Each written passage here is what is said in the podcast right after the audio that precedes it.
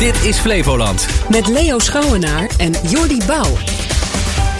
Goedemorgen. Of het nu oorlog is of niet op de Gaza-strook... het lichtjesfeest van de Joden Hanukkah... werd gisteravond uitbundig gevierd in Lelystad. Straks een verslag daarover. En je hoort zometeen ook waarom het hondenevenement Dog Survival in Zeewolde... niet meer wordt georganiseerd. Lelystad stond gisteravond in het teken van Hanukkah, het Joodse lichtjesfeest. En ondanks het conflict tussen Israël en Hamas... is de Joodse gemeenschap niet bang om zich te laten zien. Want het was drukker dan vorig jaar. De avond begon met een speech van rabbijn Sneur Soesterman. Hopelijk zien we voor de ramen van Joodse huizen... als het buiten donker is die menorah branden. Die kleine vlammetjes die licht en warmte weten te verspreiden in de diepste duisternis. Dit zijn de woorden waar Rabijn Sneur Susterman zijn speech mee begint. De angst onder de Joden in Flevoland en de rest van Nederland. Voor het antisemitisme van het verleden, maar ook nu. De vrees voor vergelding door de oorlog tussen Hamas en Israël. In Lelystad hebben ze geluisterd naar de oproep van de rabbijn om je tijdens Chanukka niet te verstoppen.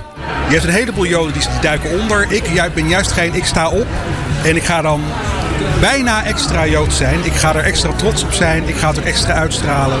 Ik denk dat heel belangrijk is. Dat je opstaat in deze tijden. In plaats van dat je erbij neer gaat zitten. Een paar jaar geleden. Niemand had kunnen geloven dat hier in Lelystad.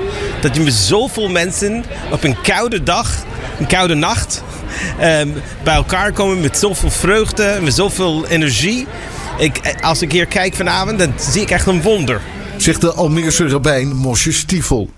Niet alleen zijn de mensen zichtbaar aanwezig op het Stadhuisplein, ook zeggen de aanwezigen niet bang te zijn om de kandelaar zichtbaar in hun vensterbank te plaatsen. Elke nacht mag je altijd één kaarsje aansteken op een speciale Hanukkah.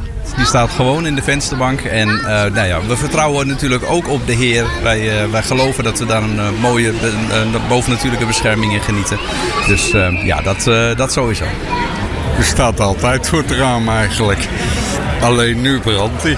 Toch merkt Richard Kleuver wel degelijk dat er de laatste tijd anders op zijn geloof wordt gereageerd. Er is bij mij ook een, uh, een, vlag van het huis afgetrokken. Met alle gedoe van, uh, van, dat. En ja, de, de, de, daders die lopen niet weg, maar die blijven staan en lachen je uit. Maar vandaag zijn ze bij elkaar voor Chanukka, het lichtjesfeest. En eten ze een soufganiot. Dat zijn een soort donuts. En die donuts zijn ietsjes dikker. En wanneer je al misschien één of twee beten nam, dan is het lekkerste de jam. Dat is voor mij het lekkerste. En dan kijk je het hele jaar naar uit? Ja. Maar traditie in Lelystad is ook het gezamenlijk dansen op het Stadhuisplein.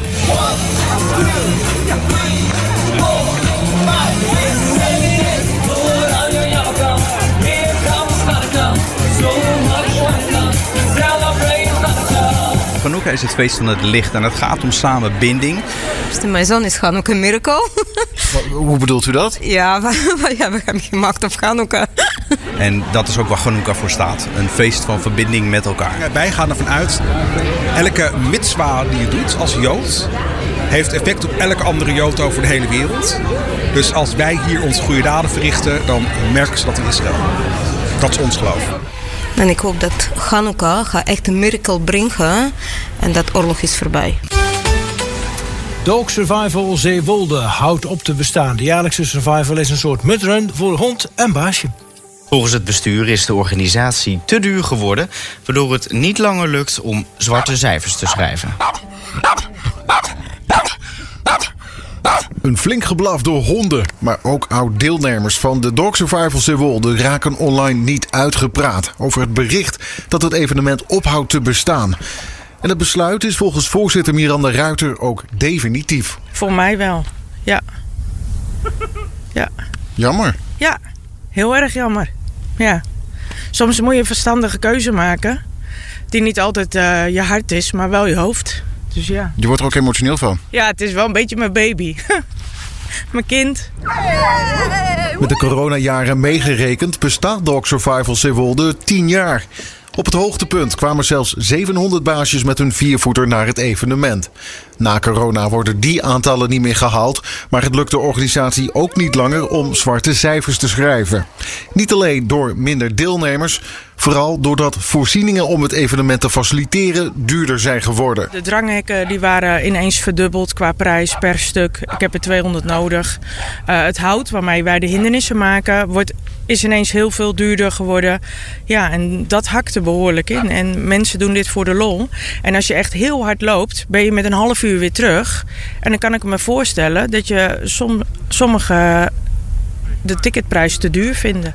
Volgens Miranda Ruiter is een verhoging van de toegangsprijs geen oplossing. Ik heb uh, uitgerekend dat je minimaal 450 deelnemers moet hebben. En dit jaar hebben ze 40 euro betaald om mee te doen. En dan zouden ze volgend jaar 55 euro moeten betalen. Dus een verhoging van 15 euro. Om kiet te draaien? Om kiet te draaien. En uh, ik vind dat heel veel geld. En we, we hoorden al dat uh, afgelopen jaar, of tenminste dit jaar dan, uh, dat ze 40 euro al veel vinden. Laat staan 55 euro. Meerdere personen hebben hun hulp aangeboden voor het faciliteren van een nieuwe editie. Maar volgens Ruiter is dat een eenmalige oplossing, terwijl het bestuur een oplossing wil voor de lange termijn. Facebook zie je voornamelijk de reacties dat we de mooiste, de grootste en de, de zwaarste waren. Er is niet een Dog Survival wat uh, dit heeft wat wij hadden qua bos en water. En dat is samen met het gelach en gegil bij Dog Survival Zeewolde nu definitief verleden. Hoogste tijd voor de rubriek Wat heb je gisteravond gemist op radio en tv? En we beginnen op de televisie op NPO 2. Daar heb je natuurlijk elke avond om half tien nieuwsuur. En daar was de commissaris van de Koning van Groningen te gast, René Paas. Weet je trouwens dat hij een verleden heeft in Mark Nessen? Nee, dat wist ik ja, niet. volgens mij op school gezeten en zo. Oké. Okay. Ja, volgens de inspectie Justitie en Veiligheid is de situatie in het aanmeldcentrum in Ter Apel onhoudbaar. Er zijn grote zorgen over de brandveiligheid en hygiëne. En ook zijn er te veel geweldsincidenten. Uh, Groningen wordt in de steek gelaten door de rest van Nederland. Zij René Paas. Wij kunnen, wij kunnen niet een nationaal probleem, een nationale verantwoordelijkheid... Nee. hier in een kleine uithoek van het land de hele tijd proberen op te lossen. Want als het hele asielsysteem vol zit, doordat niemand een hand uitsteekt... dan loopt het in het enige aanmeldcentrum van Nederland, Ter Apel, uit de hand.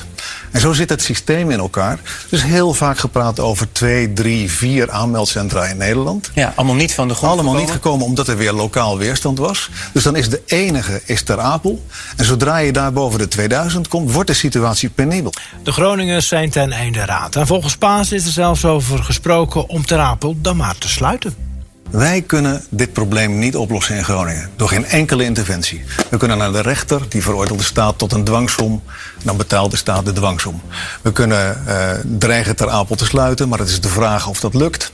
Uh, want er is een langlopend contract en bovendien er is geen alternatief. Dus dan maakt de Denkt u daar ook over na? Ja, we denken over al dat soort dingen Maar is dat overwogen door u? Ja, we denken over al dat soort dingen na. U hebt overwogen... Wij denken over al dit soort dingen na. Om ter Apel te sluiten? Omdat, omdat het vreselijk is om het zo uit de hand te zien lopen... doordat elders in Nederland bestuurders niet in, in de benen komen. We blijven bij de televisie. Dat was gisteren op NPO 2. Gaan we nu naar NPO 1.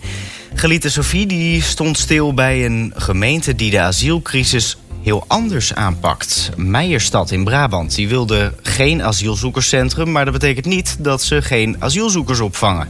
Ze kozen er namelijk uh, voor om de opvang maar helemaal zelf te regelen, vertelde burgemeester Kees van Rooij. Als 80% van de vluchtelingen uiteindelijk status krijgt, dan zijn dat eigenlijk nieuwkomers, nieuwe inwoners van Nederland, nieuwe inwoners van onze stad, mijn reisstad. Hoe zouden wij die willen opvangen als wij weten dat dat het eindperspectief is? Mm -hmm. En daarop zijn we gaan terugkijken van wat betekent dat nu? En dus dat heeft voor ons betekend geen groot AZC, kleinschalige opvang. Uh, probeer de mensen meteen aan het werk, kinderen naar school, zorg regelen. En dat doen wij nu voor Oekraïne en uh, andere vluchtelingen voor op zo'n 15 locaties. Het was voor de gemeente Meijerstad ook heel belangrijk dat vluchtelingen gelijk integreren in hun gemeenschap. Ze werken daarom veel met lokale ondernemers en verenigingen, zei locatiemanager Joshua Baks. De horeca bijvoorbeeld zucht dus echt onder een tekort aan personeel. Nou, daar kunnen wij dus natuurlijk het verschil maken. Maar ook gewoon dag één iemand leren integreren en participeren. Onze bewoners sluiten gewoon aan bij lokale sportverenigingen. Op de markt worden heel veel activiteiten georganiseerd. Zo'n codingsdag. Nou, dan helpen onze bewoners met het helpen van het opzetten van de feesttent. Vervolgens hebben ze zelf weer een kraampje waar ze spullen verkopen. Ja, dat doet zoveel met ook de omgeving. En dat was gisteren op de televisie. Ruim 60 vrijwilligers zijn er helemaal klaar voor. Het rijden van lijndiensten in Dronten met de buurtbus. Door bezuinigingen zijn twee trajecten door vervoersbedrijf EBS uit de dienstregeling gehaald. Maar vanaf maandag brengt het team van vrijwilligers alsnog reizigers naar de juiste bestemming. We gaan helemaal eh, hier naar Zuid toe en naar West. Dus het wordt heel, heel uitgebreid nou. Het zijn echt ontzettend fijne busjes hoor. Trots rijdt coördinator Willem Brouwer nogmaals een testritje zonder passagiers.